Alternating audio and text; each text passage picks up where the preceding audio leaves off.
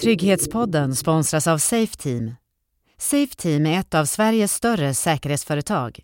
Vi installerar och servar lås, passersystem, larm, kamerabevakning och dörrautomatik. Hör av dig till oss om du vill öka tryggheten i ditt företag, din butik eller bostadsrättsförening. Safeteam, din partner i säkerhet. Hej kära lyssnare och trygghetsambassadörer. Nu fortsätter serien Det nya kalla kriget som handlar om det politiska stormaktsspelet i världen.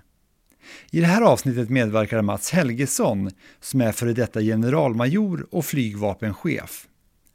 Hör honom om varför rymden är en så viktig arena, både för det civila samhället och för Sveriges försvarsförmåga.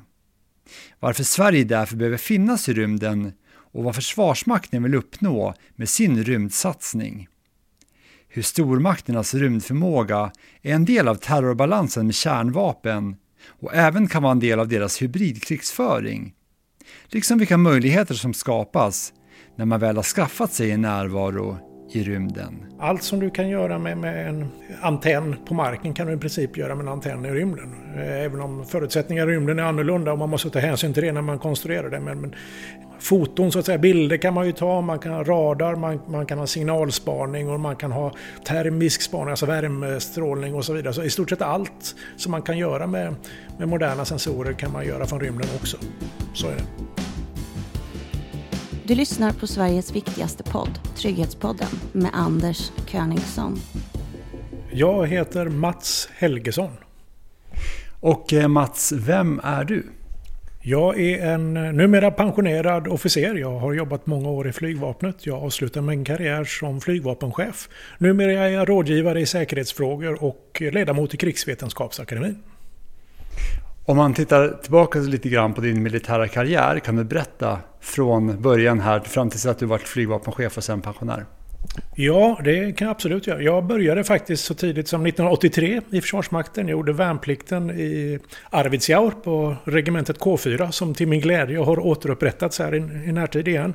Och efter det så genomförde jag även reservofficersutbildning i armén. Så jag har faktiskt varit eh, reservofficer i armén innan jag faktiskt kom då på bättre tankar och lämnade för flygvapnet. Och eh, 1985 så började jag min karriär i flygvapnet på flygskolan och har en en lång rad av år därefter som pilot på olika divisioner. Flugit eh, Viggen i massa olika varianter. Jag har även flugit Gripen och eh, de senare delen av min karriär har jag ägnat mig åt stabsuppgifter, internationella uppsatt, eh, internationella insatser och en hel del annat då förstås. Och som sagt var, de sista fyra åren av min karriär så var jag flygvapenchef.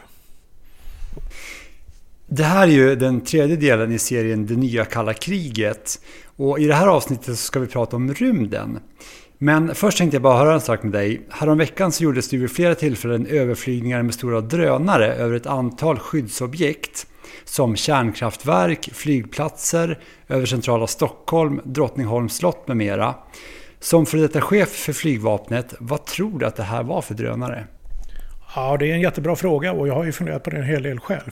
Jag tror ju att eh, det finns eh, många olika som kan äga och, och, köra en sån här drönare i olika sammanhang. Jag tror dock inte att det här är en statsägd aktör som har gjort det här.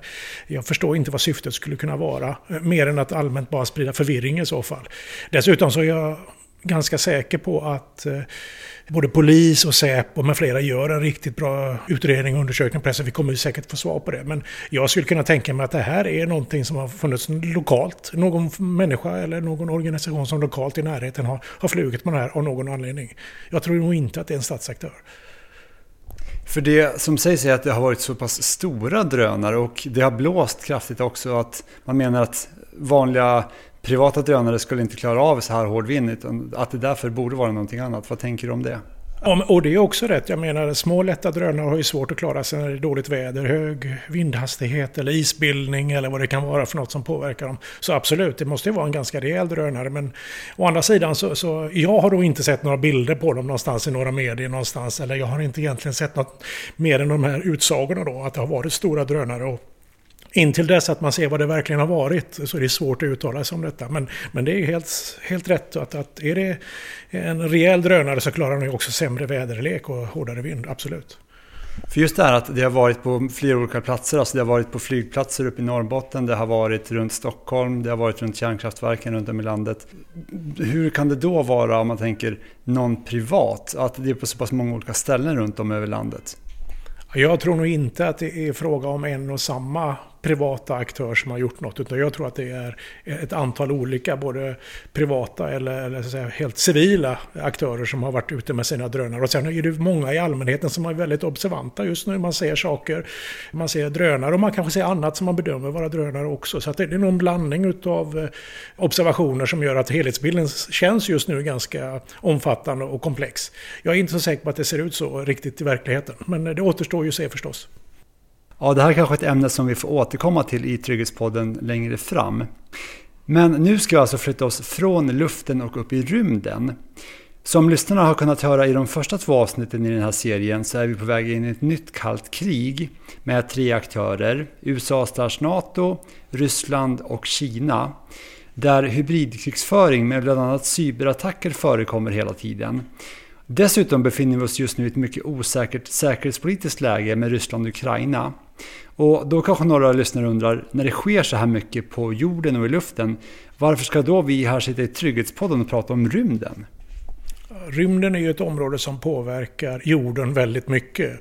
Alla de satelliter och förmågor och resurser som finns i rymden är intimt kopplade till saker som påverkar vår vardag väldigt mycket. Både civilt och militärt och i alla möjliga sammanhang. Så att rymden har stor påverkan på vår vardag. Mycket mer än vad många tror tror jag.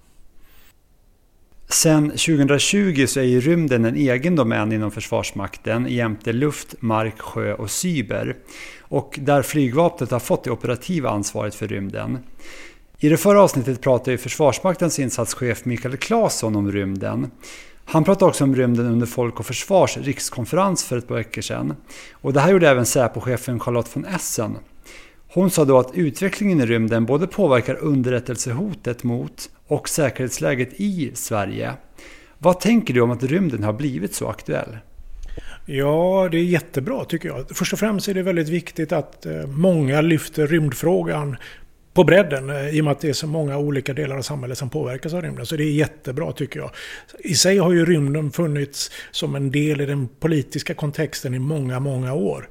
Jag menar, redan från början, alltså om vi pratar om Sputnik och Yuri Gagarin, så har det ju varit fråga om säkerhetspolitik. Det har varit fråga om att visa förmåga och kompetens. och jag menar allra först i rymden var ju faktiskt egentligen de tyska V2-raketerna under andra världskriget. Så redan från början så har det varit en säkerhetspolitisk försvarsmässig koppling på rymdfrågorna. Sen har det blivit mycket annat också, såklart, genom åren. Så att jag tycker det känns jättebra att det är många som lyfter frågan. Och I Sverige har vi under många år haft en, en god kompetens och en god förmåga och en bild av vad som händer i rymden när man pratar om de civila forskningsmässiga perspektiven. Men inte de säkerhetspolitiska perspektiven. Och att det nu kommer upp på dagordningen tycker jag känns jättebra. Och vad tror du att det är som gör att det ja, men just nu då, är så pass hett som det är? För nu är det som sagt flera som har tagit upp det här så sent som under Folk och försvarsrikskonferens. Jag tror det hänger ihop med omvärldsutvecklingen. Jag tror det hänger ihop med det som vi ser i konkret idag i Ukraina, Ryssland och runt i Östersjön. Jag tror det hänger ihop med att vi har fokuserat på nationellt försvar och inte genomföra insatser på andra ställen i världen. Så jag tror det hänger ihop helt enkelt med att vi behöver, i Sverige behöver vi bygga ett försvar, ett totalförsvar som kan hantera en, en riktigt avancerad och eh, komplex motståndare och inte bara bidra till internationella insatser där vi har hjälp av en stor och stark aktör som har rymdförmåga. För där har vi ofta haft med oss NATO och vi har haft med oss USA i, någonstans i bakgrunden. Nu är det fråga om att kunna försvara oss själva och på egen hand och då måste vi ha egna förmågor även i rymden. Om vi backar lite och börjar från början då. På vilket sätt påverkas vårt dagliga liv av det som sker i rymden? Ja, alltså det finns så många områden så det är nästan svårt att veta var man ska börja. Men ett typexempel är ju hur alla idag använder navigeringshjälpmedel som baserar sig på eh, rymdpositioner. Det vill säga antingen en GPS eller Galileo eller någon av de andra systemen som finns, de kinesiska eller ryska. Hur många är det idag som har en, en bilkarta i bilen? Det är inte särskilt många, men utan, utan en karta i sin GPS har man haft svårt att hitta idag kanske. Så det är ett typexempel och det är ju inte bara för privat del utan det är även i åkeriverksamheter och taxi, blåljusmyndigheter använder det. Det är ett exempel. Ett annat exempel är den här exakta tiden som man får också från navigationssystemet som används i alla möjliga sammanhang.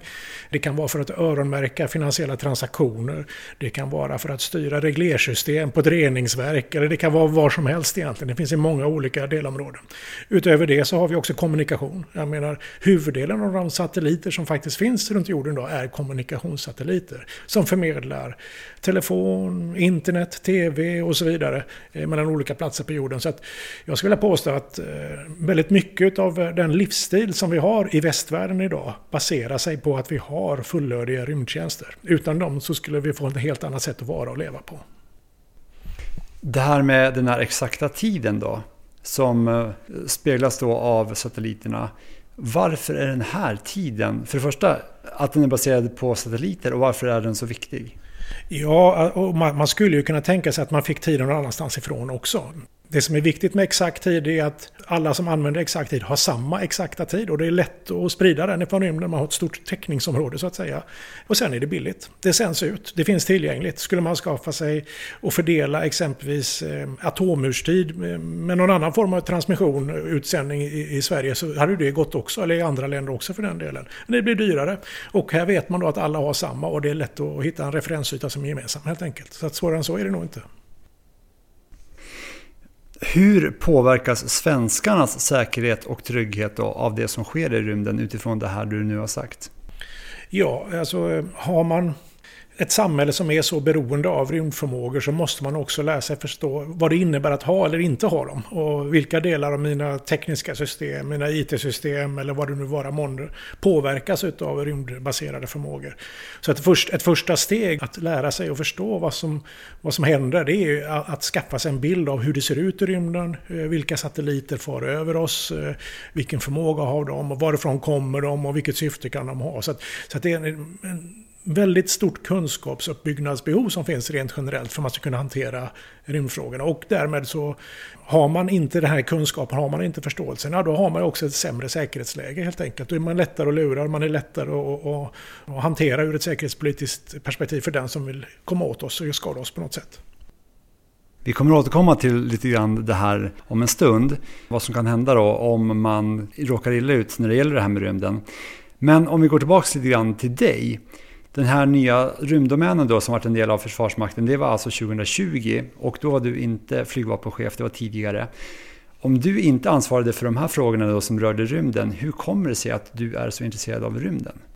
Ja, rymdfrågorna har ju hanterats i, i Försvarsmakten och flygvapnet även innan man gjorde den här fördelningen av ansvar som, som du nämner. Och, och jag är ju väldigt glad över att det blivit så tydligt och så, så bra utpekat att det blev en, en utav försvarsgrenarna som fick ansvaret för eh, rymdfrågorna. Jag har slagits för det under ganska många år och att det blir flygvapnet det beror ju väldigt mycket på att det finns många likheter både tekniskt, utbildnings och personalmässigt eh, som, som känns rimliga och vettiga. Så det känns jättebra. Och mitt intresse för rymdfrågor, eller min kunskap utav rymdfrågor, har byggt upp successivt under åren i Försvarsmakten eh, i olika sammanhang. Och inte minst de sista åren här då jag har haft eh, chefsbefattningar och samverkat med många internationella kollegor och eh, verksamheter. Så att det är en lång historia som är väldigt intressant och rymden är ju någonting som, som har funnits där i bakgrunden men som sagt var inte prioriterats lika mycket de senaste decennierna på grund av att operationsinriktningen har varit att man har stöd från andra som kan det här så mycket. Är det här eftersatt i Sverige, det här med rymden, i och med att man inte har lyft fram det förrän nu? Jag tycker definitivt att det är ur ett eh, försvars och säkerhetspolitiskt perspektiv eftersatt. Vi fick för eh, snart fyra år sedan en, en rymdstrategi, en svensk rymdstrategi från regeringen och den är bra. Den pekar tydligt ut eh, kombinationen av nationella intressen, att det finns försvars, handels, närings, forsknings och så vidare intressen i rymden. Det är jättebra. Jag tycker den, den sätter en bra nivå, den sätter också en, fingret på att det här är en helhet. Man kan inte bara säga att det är eh, det ena eller det andra utan det här hänger verkligen ihop och ofta är ju dessutom rymdförmågorna fler användbara. Det vill säga en civil satellit kan nyttjas för militära ändamål och tvärtom. En, en kamera som tittar på låt säga mängden klorofyll på en odling någonstans i ena ögonblicket kan i nästa ögonblick leta maskeringsnät i Kaliningrad. Så att det är den typen av användbarhet som finns och det är svårt att säga vad som är vad. Så det hänger ihop och det är en helhet, det är väldigt viktigt. Och den rymdstrategin då som regeringen kom med 2018, den är bra. Problemet med den är ju egentligen att man har inte eh, resurssatt den. Det saknas eh, kött och blod, ekonomi, eh, metoder, processer, koncept för att få det där att bli den där helheten för att det ska funka. Så det behöver brytas ner och det behövs även arbetas in i den nationella säkerhetsstrategin som håller på att eh, ses över och ska komma ut i år, då, 2022. Så att, att tydligt peka ut rymden där tror jag är jätteviktigt och att dessutom då se till att att eh, den goda strategin som finns utgiven den omsätts i regleringsbrev och styrningar till myndigheter och andra verksamheter i Sverige så att det verkligen blir verkstad utav det man har sagt i den rymdstrategin som finns. Tror du att det kommer att bli så? Jag tror det. Jag upplever att det nu finns faktiskt ett, ett, både ett eh, genuint intresse av att det här ska verkligen bli så och dessutom så tror jag omvärldsutvecklingen rent generellt runt omkring oss, inte bara det senaste vi har sett där utan under några år runt omkring oss här har gjort att det faktiskt finns ett ökat intresse för att det ska bli så. Så jag hoppas verkligen att det blir så. Jag upplever att inte minst då att man har med det här på agendan på, på konferenser som Folk och Försvar och i sammanhang eller att det är på Trygghetspodden gör ju att det finns intresse för det här generellt och det känns jättebra tycker jag. Den här nationella rymdstrategin då, som kom 2018, kan du lite kort sammanfatta vad den går ut på? Ja, den pekar ju ut nationella intressen och eh, vikten av att vi i Sverige har en kompetens och en förmåga inom rymdområdet. Den tar ju inte bara upp de säkerhetspolitiska aspekterna, den tar ju upp även forskningspolitik, utbildningspolitik, näringspolitik och andra områden. Så i det stora hela så är det att man sätter upp ett mål för nationen Sverige och det är egentligen att vara en, en relevant aktör på rymdarenan i förhållande till vår styrka och vår storlek. Så det känns helt rätt och helt riktigt, precis som vi ska ha i många områden kan jag tycka. Rymden är ju ett område bland många. Så att eh, sammanfattningsvis är, är rymdstrategin ett sätt att sätta ut ett mål på lite lagom lång sikt, låt säga tio års sikt, eh, och identifiera ett antal viktiga aktörer för oss, både samarbetsmässigt eh, gentemot till exempelvis EU och USA, men, men även att vi har internt pekat ut till exempelvis eh, Rymdstyrelsen som är en väldigt viktig aktör i det här sammanhanget. Hur är Sveriges rymdförmåga i nuläget då? Ja, Sveriges rymdförmåga i nuläget är ju att i den civila världen, i den civila kontexten, forsknings-, eh, utvecklings och den akademiska delen, om man uttrycker sig så, så är vi ganska duktiga. Alltså, Rymdstyrelsen är en lite men väldigt duktig myndighet. De fördelar eh, pengar i forskningssyfte och de samarbetar internationellt och de, de reglerar eh, saker även för den svenska rymdaktiviteten. Så att eh, det är en jätte, jättebra och duglig myndighet, men den är för liten. Jag tror att det är någonstans mellan 30-40 personer som jobbar på Rymdstyrelsen. Och eh, i min värld skulle man nästan kunna ha en nolla till efter det. För vad de uppgifter som jag tycker att en, en, en ledande rymdmyndighet behöver göra. På den militära sidan så har vi i allt väsentligt samarbete som utgångspunkten för våra rymdförmågor idag. Det vill säga att vi byter information med andra aktörer som, som har mer resurser då än vad vi har. Och därigenom skaffar vi oss till exempelvis en rymdlägesbild eller vad det nu kan vara för något, eh, bilder från rymden och så vidare.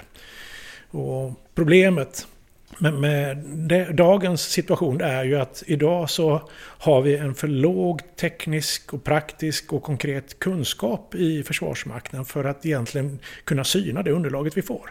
Vi får det till oss eh, och vi tittar på det och vi tar det och vi såklart litar vi på våra samarbetspartner men vi är egentligen inte kompetenta nog att förstå vad det är vi ser.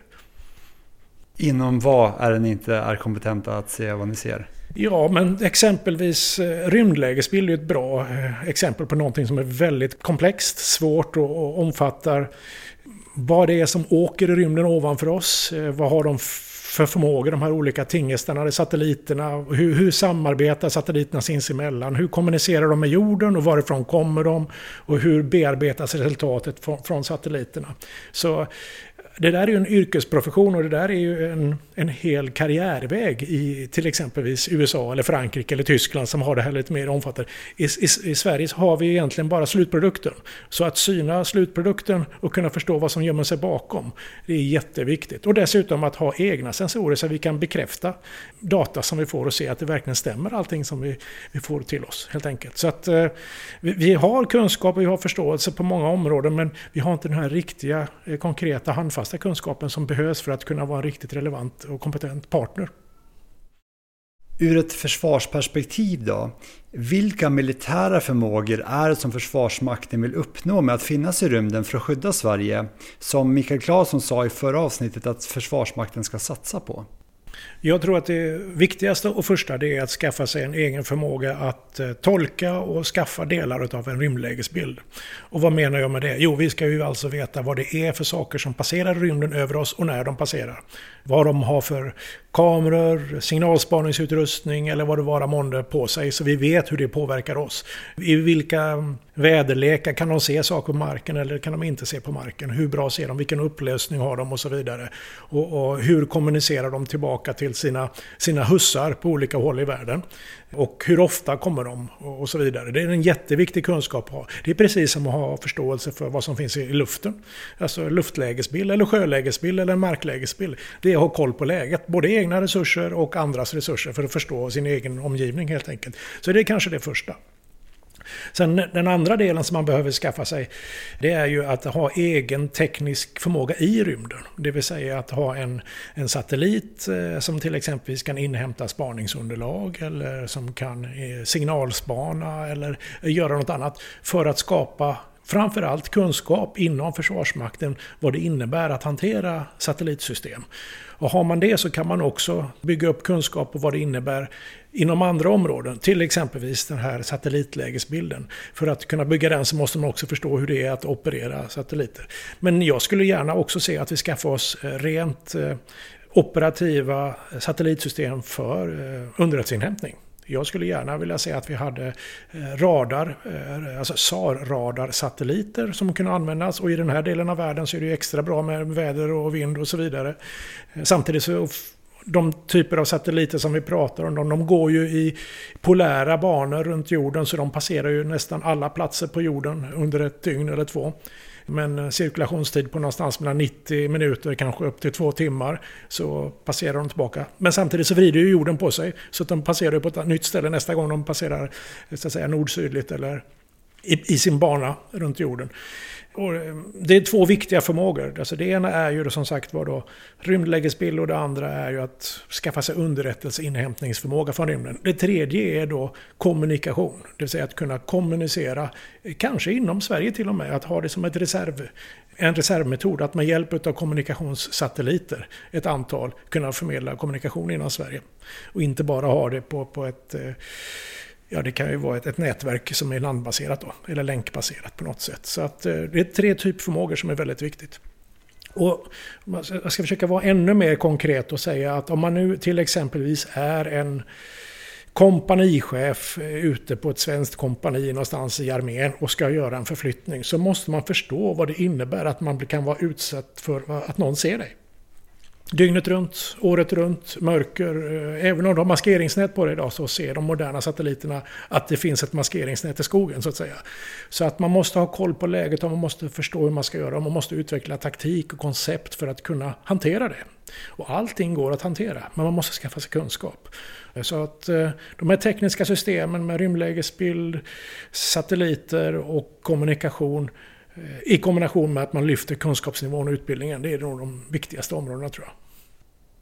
Finns det till exempel något så störningssystem om man har då en grupp soldater som är ute i skogen så att inte satelliterna ser den?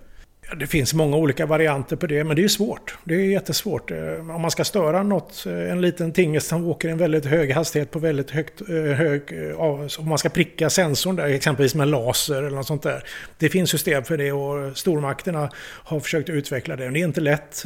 Utan det är väl snarare som så att man ska hitta metoder för att, att göra saker när de inte är där och inte ser, helt enkelt. Det här med underrättelseinhämtning då från satelliter, är det här någonting som andra länder, till exempel då stormakterna som USA, och Ryssland och Kina redan har? Ja, oh ja, men det har vi vi och det är bara att öppna sin iPhone så har man ju det. Man har ju Google Maps eh, med satellitfoton eh, och så vidare. Så att det här finns ju i väldigt stor omfattning. Det gäller bara att, att, ha en rätt bearbetningsmetod för det och att man kan rikta in sina sensorer på rätt område vid rätt tillfälle. Det är det som är, är frågan om.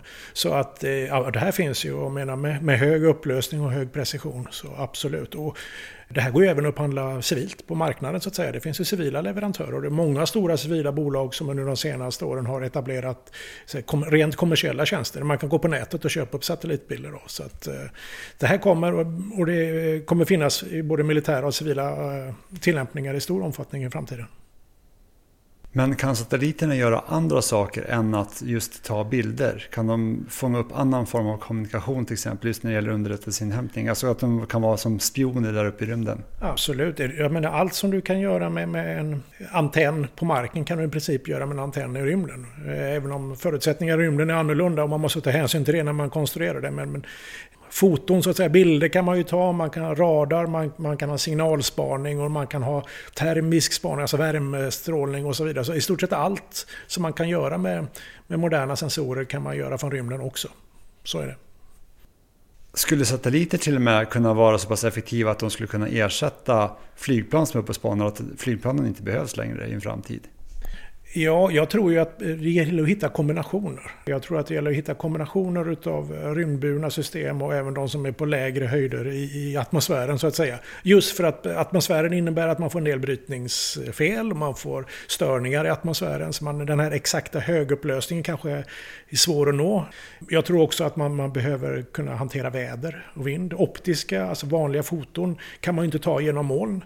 Radar kan man ju ta genom moln, men om man vill ha verkligen foton och ha det snabbt på plats och kanske en, kanske en stor drönare kan vara lika effektivt som en satellit eller åtminstone ge en annan del av spektrumet eh, vad det gäller prestanda. Då. Du har varit inne lite grann på det, men hur väl står sig Sverige jämfört med andra länder när det gäller rymden? Och då tänker jag både på våra nordiska grannländer och de stora länderna i världen.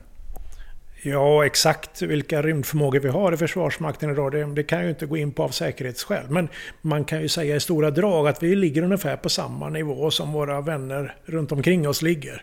Vi, vi är eh, så tekniskt kompetenta, men är relativt hur välutvecklade vi är på andra områden. Om jag tänker exempelvis på, på flygsidan, eller på sjösidan eller på delar av marksidan, så ligger vi långt efter på rymden.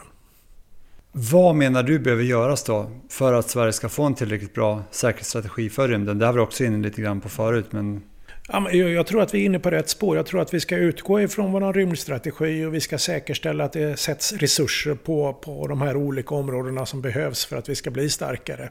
Jag tror totalförsvarsperspektivet behöver man också få med sig tidigt när man designar en strategi för den säkerhetspolitiska tillämpningen av rymden. Försvarsmakten i samarbete med MSB, polisen och ett antal andra myndigheter som har stort intresse av de här frågorna bör ligga till grund för en sån strategi. Och eh, att, att även förstå och se eh, konsekvenserna utav eh, rymdbaserade tjänster för totalförsvaret är ju väldigt viktigt. Rent militärt så tror jag att man behöver ansätta en, ett antal år framöver där man bygger kunskap, där man skaffar sig kompetens och inte minst då utbilda personal, rekrytera personal. Så man får lov att bygga upp kompetensen på det här området. Det är lite grann som, som cyberområdet. Att man måste ha, måste ha egen förmåga inom organisationen för att förstå vad man håller på med. Annars hamnar man i en situation där man inte vet vad man inte vet. Och det är inte bra. Precis, det här med cyber och det har vi pratat om i serien IT-säkerhet och cyberhotet. Att det är ett område som blir mer och mer aktuellt hela tiden. Det sker hela tiden angrepp. Det här kostar pengar att bygga upp och det gör ju även det traditionella militära försvaret. Och som alla vet så är skattemedlen ändliga och det finns mycket som det ska räcka till. Det här är bara några saker. Och i och med omvärldssituationen som vi har nu då, när vi ska dels bygga upp det här försvaret som har verkligen inte fått mycket resurser under lång tid och det behöver byggas upp både på lång och på kort sikt i och med att nu vi har en så pass orolig omvärld. Ska rymden då prioriteras bland alla de här andra områdena eller har vi råd med det? Ja, jag nämnde ju inte det tidigare, men en anledning till att rymden också kommit så mycket på tapeten de senaste åren är ju just kostnadsutvecklingen. Priset för att skjuta upp satelliter i rymden, priset för att bygga satelliter har ju sjunkit markant. Och trenden och prognosen är att det sjunker ytterligare framöver.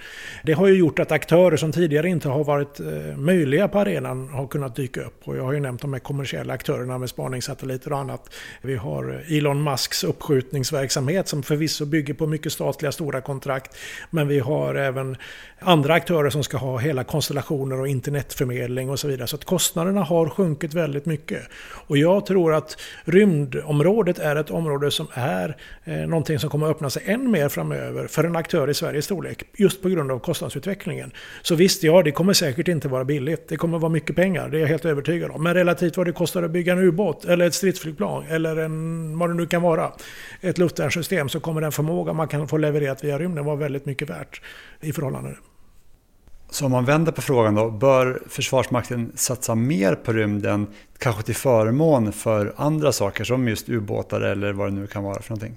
Jag tror att, att satsa på rymden gör ju att man bildar sig ett, en bra bild av sin omvärld. Man skapar sig en normalbildsuppfattning på ett helt annat sätt än vad man kan göra med andra sensorer till exempel. Så jag tror att rymden i sig gör ju att man får en, en bra överblick och en bra förståelse för sin, sin närmaste omgivning. Och det är värt mycket. Sen om det ska vara på bekostnad av någon annan, ja, det, det, är klart att det, så är det ju alltid. I, I, en given mängd resurser så kan man ju inte ge allt till alla. Utan då måste man omfördela. Samtidigt kan jag ju tycka att den, den delen av kakan som Försvarsmakten får totalt idag utav de nationella resurserna är kanske lite för låg. Så i, sett i den potentiella ökningen då så borde det här rymmas, definitivt. När det gäller det här med försvaret så pratar man mycket om det här med samarbete med olika länder. Inte minst så har vi ett nära samarbete med Finland, men även med NATO. Hur är det när det gäller rymden? Ja, samarbeten är avgörande för alla aktörer i rymden. Även de största behöver samarbeten för att kunna eh, skaffa den data och den information som de behöver. Och eh, för Sveriges del så kommer samarbeten vara jätteviktiga och de är redan viktiga idag men de kommer bli allt viktigare framöver. Och jag tror att USA är en viktig samarbetspartner förstås med sin kunskap och sin bredd. Men även Europa, EU och de stora aktörerna i Europa, Tyskland, Frankrike med flera är ju viktiga för oss. Och jag tror att det är jätteviktigt för oss som ett ett av de här första stegen vi gör, att etablera ett gott och nära samarbete med de europeiska stora aktörerna. Inte minst när det gäller att bygga rymdlägesbild. Jag vet ju att det är ett stort projekt som pågår nu i EU via EU-konventionen som heter Space Traffic Management. Det vill säga en, en europeisk eh, terminologi för rymdlägesbild helt enkelt. Och där bygger man ju upp egna resurser för att i Europa kunna vara självförsörjande på rymdlägesbild och det tror jag är jättebra.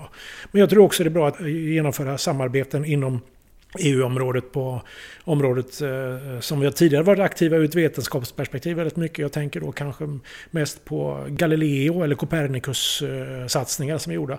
Men att man även ser till att man blir fullt ut integrerade i de här säkerhetsapplikationerna som finns kopplade till de blåljuslösningarna på både eh, kommunikation och navigation och annat. Så det tror jag är jätteviktigt rymdbasen S-Range utanför Kiruna.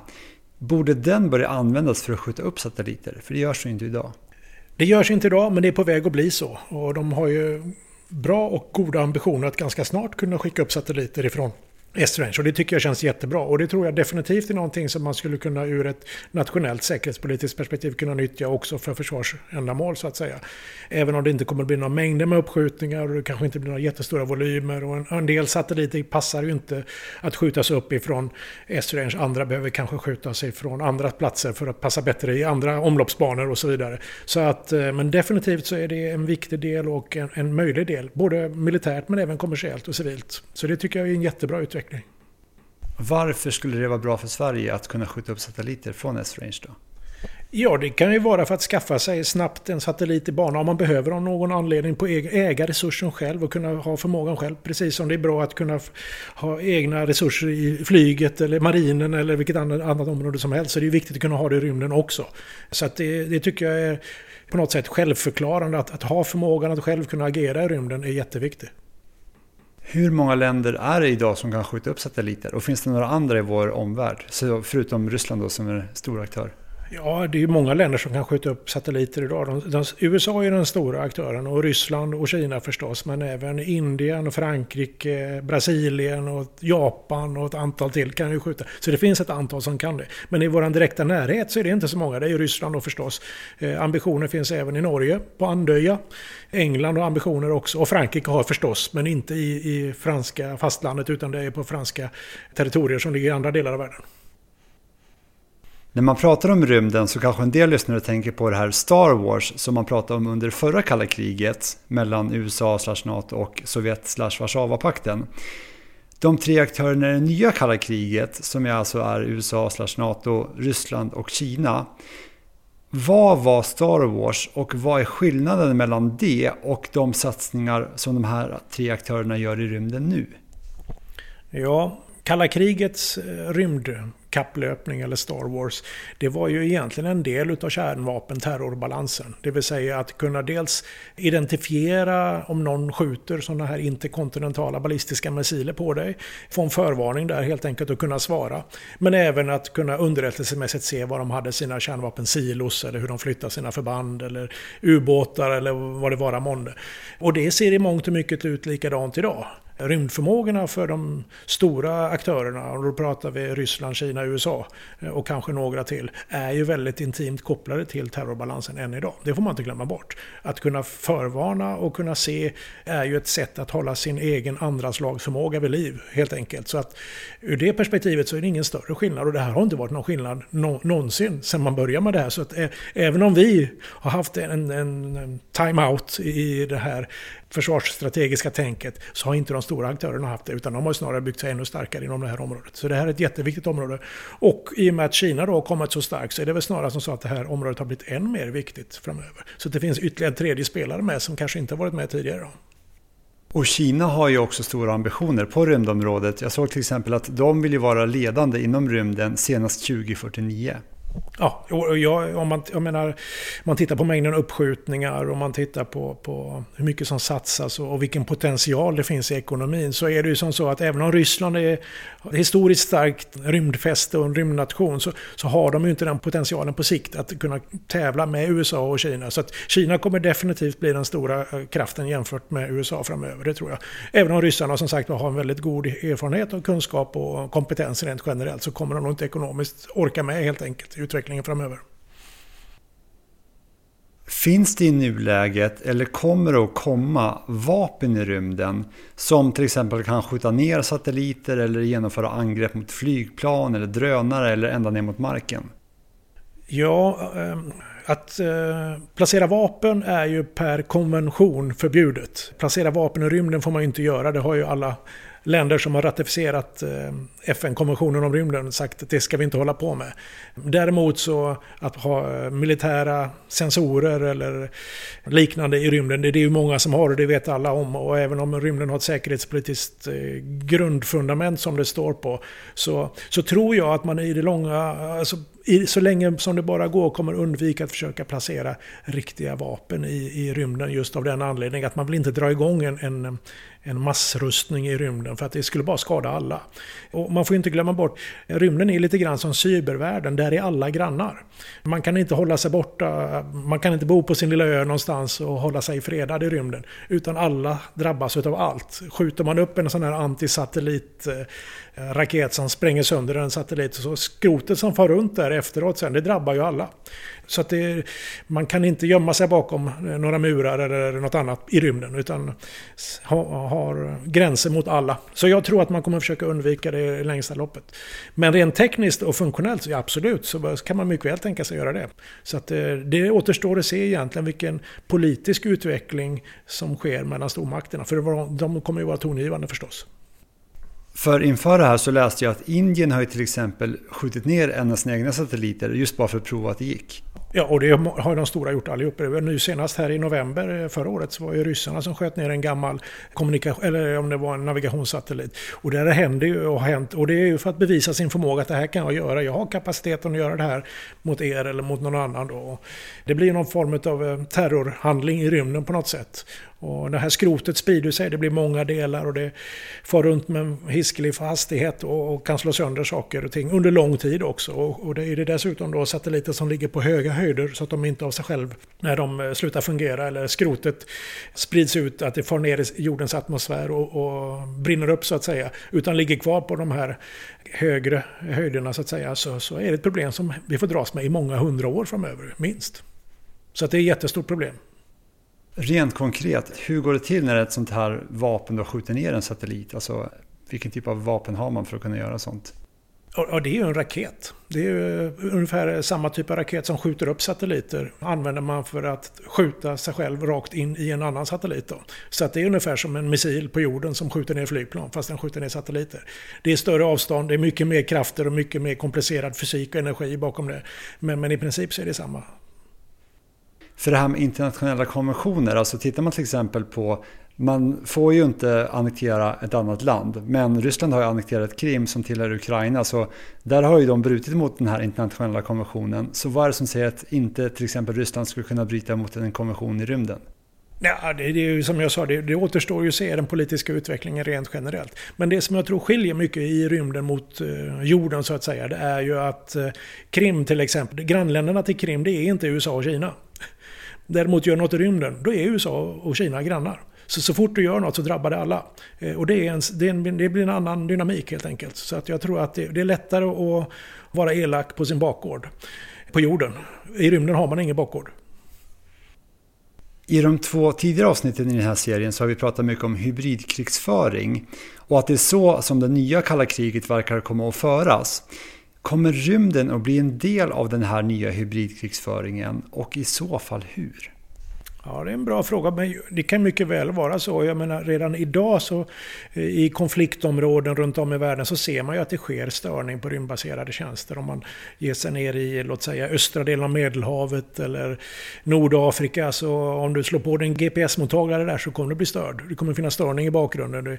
Det kan även vara andra saker som påverkas. Kommunikationsmöjligheter och annat. Så att ja, definitivt så kommer det här kunna vara en del i hybridkrigföring. Och rymdtjänsterna är ju svåra att eh, för gemene man se vad som händer. Man måste ha tekniska system, man måste ha ganska kvalificerad kunskap förstå, för att förstå vad som händer. Det kan ju hända saker redan idag. Och satelliter kan ju hackas precis som alla andra saker. Så jag tror det absolut kommer vara så. Och man får inte glömma bort, det är lätt att man fokuserar bara på sakerna i rymden när man pratar om rymden. Men det är väldigt viktigt även med mark segmenten så att säga. Det vill säga de ställen där man skjuter upp raketer eller där man laddar upp och laddar ner data är också jätteviktiga. Kommunikationen och hur man bearbetar den data man får ner. Så det är minst lika viktigt som själva pryttlarna i rymden. Som ett av hybridkrigarens verktyg så nämnde Mikael Claesson i det förra avsnittet hot om kärnvapen. Skulle rymdvapen eller någon form av satelliter eller så kunna påverka kärnvapenhotet? Ja, och det gör det ju redan idag. Alltså, mm, som jag sa tidigare så är ju stora delar utav förvarningsförmågan eh, mot att bli utsatt för ett kärnvapenangrepp för de makterna som är stora på kärnvapenområdet.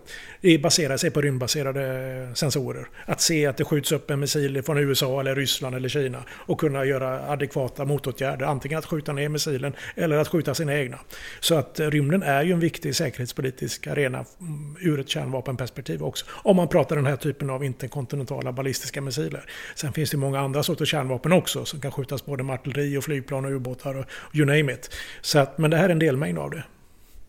Är det någonting som du tror kommer att bli viktigare i takt med att det här nya kalla kriget kanske riskerar att bli kallare och kallare? Ja, men jag tror absolut när det gäller en, en stormaktskonkurrens så är ju alltid kärnvapen intressanta. Då blir ju kärnvapenförmåga precis som förmågan till andra massförstörelsevapen intressanta. Och det gäller ju även eh, kemiska stridsmedel, biologiska stridsmedel och vad det vara månne så att säga. Så jag tror hela den sektorn kommer att bli tydligare och starkare, absolut. I serien IT-säkerhet och cyberhotet så berättar ju medverkande i flera olika avsnitt om att utländska aktörer genom IT-intrång med mera försöker stjäla svenska innovationer. I synnerhet i avsnitt 79 med Säpo så pekades ju Ryssland, Kina och Iran ut som hot. Hur ser du på risken att de här länderna och kanske även andra försöker och kanske även lyckas stjäla svenska innovationer inom rymdområdet? Ja, ja, det tror jag absolut. Precis som vilket tekniskt område som helst så tror jag det här området är utsatt för den typen av hot också. Definitivt. Och vi har ju många områden som vi är duktiga på tekniskt. Vi har en välfungerande försvarsindustri i många olika perspektiv. Så ju mer vi satsar på rymden, ju mer intressanta kommer vi också vara.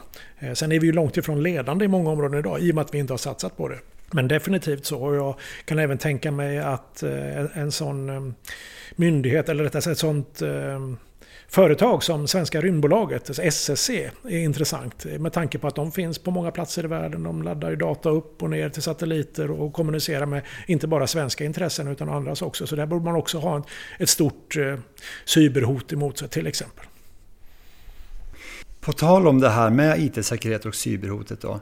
Vilka risker finns det att framtida svenska satelliter, om vi skjuter upp sådana, utsätts för just cyberangrepp? Eller som du har sagt, kanske också på markstationer och liknande? Jag tror att det är jätteviktigt att vara stark i sitt cyberskydd även i rymdsektorn. Precis som man måste vara i flygsektorn eller vilken sektor som helst. Så att, eh, jag tror inte hoten skiljer sig egentligen där. Så att, eh, absolut väldigt viktigt område att ha med sig när man designar rymdsaker. Det är cybersäkerheten. Och det är ju i stort sett allt det är ju cyberanknutet idag på något sätt. Så att har man inte en god cybersäkerhet, då är man ju utsatt för risk i alla områden. För det här pratar vi också om i serien och alltså att det finns stora hot som hela tiden försiggår mot Sverige från olika länder. Och att det också inom flera områden alltså inte är tillräckligt bra skyddat. Och om man då ska satsa på rymden men att det då finns ett hot från cyberdelen. Alltså är det då liksom viktigt att satsa på rymden? Ska man inte först liksom typ försöka helgardera sig inom cyberdelen? Ja, jag tror man måste göra både och. Det går inte att välja det ena eller det andra där utan man måste designa de rymdförmågor och de rymdsystem som man behöver och i samma andetag bygga det då på ett sådant sätt så att det blir cybersäkert. Någon annan väg framåt finns inte. Till sist, vilken är risken tror du för att terrorister genom kanske till exempel cyberattacker skulle kunna ta över ett lands vapen i rymden eller satelliter eller så och använda det i en terrorattack? Ja, jättebra fråga. Det, det har ju vet jag vid några tillfällen, och det är ganska länge sedan nu, skett hackningsförsök och hackning av satelliter. Jag tror att det var någon landssatellit här för något 20-tal år sedan ungefär som blev utsatt för någon attack. Det har säkert hänt mer också som inte är vare sig officiellt eller känt på något sätt. Så jag tror definitivt att det här kommer inträffa och det kommer vara än mer eh, uttalat framöver. Särskilt då när vi får fler aktörer som är eh, civila, privata, kommersiella som inte har hela de statliga batterierna utav resurser och åtgärder för att förhindra cyberangrepp kanske. Så att jag tror vi kommer att se mer av det framöver. Och eh, som sagt var, precis som alla andra högteknologiska och datadrivna områden så kommer det finnas ett cyberhot som är överhängande. Skulle det även kunna vara så att det blir så pass billigt med till exempel satelliter att även andra aktörer än stater skulle kunna skjuta upp dem i rymden? Ja, och så är det ju redan idag. Idag är det ju kommersiella aktörer, privata aktörer som skjuter upp, dem, eh, eh, skjuter upp satelliter på många olika håll och kanter i världen. Så att det där är inte ovanligt. Sen finns ja, det ju... Fast då är det ju samtidigt ofta tillsammans med stater och så. Men om man tänker mer alltså, kriminella eller liksom illasinnade, så tänker jag. Ja, det beror på hur man ser på, på, på vem som är vad, höll jag på att säga här i världen. Det beror på vilken utgångspunkt man har, såklart. Men eh, det är klart att det här kommer att finnas. Och jag tror ju att eh, det kommer att finnas aktörer som är villiga att sälja sina rymduppskjutningstjänster till den som betalar för det framöver. Sen får man se vem den här aktören är och, vilka intressen de har då egentligen. Samtidigt så finns det ju ett starkt eh, statligt intresse globalt av att det inte dyker upp sådana här vildare rymden då förstås. Det är helt uppenbart så. Och sen krävs det ju rätt mycket högteknologi och det krävs rätt mycket resurser för att, för att göra det här på egen hand. Det är ingenting man bygger ihop hemma i garaget riktigt. Men eh, som sagt var, det blir billigare och det blir enklare relativt sett i varje fall. Du har hört ett avsnitt av Trygghetspodden. Fler avsnitt finns på trygghetspodden.se.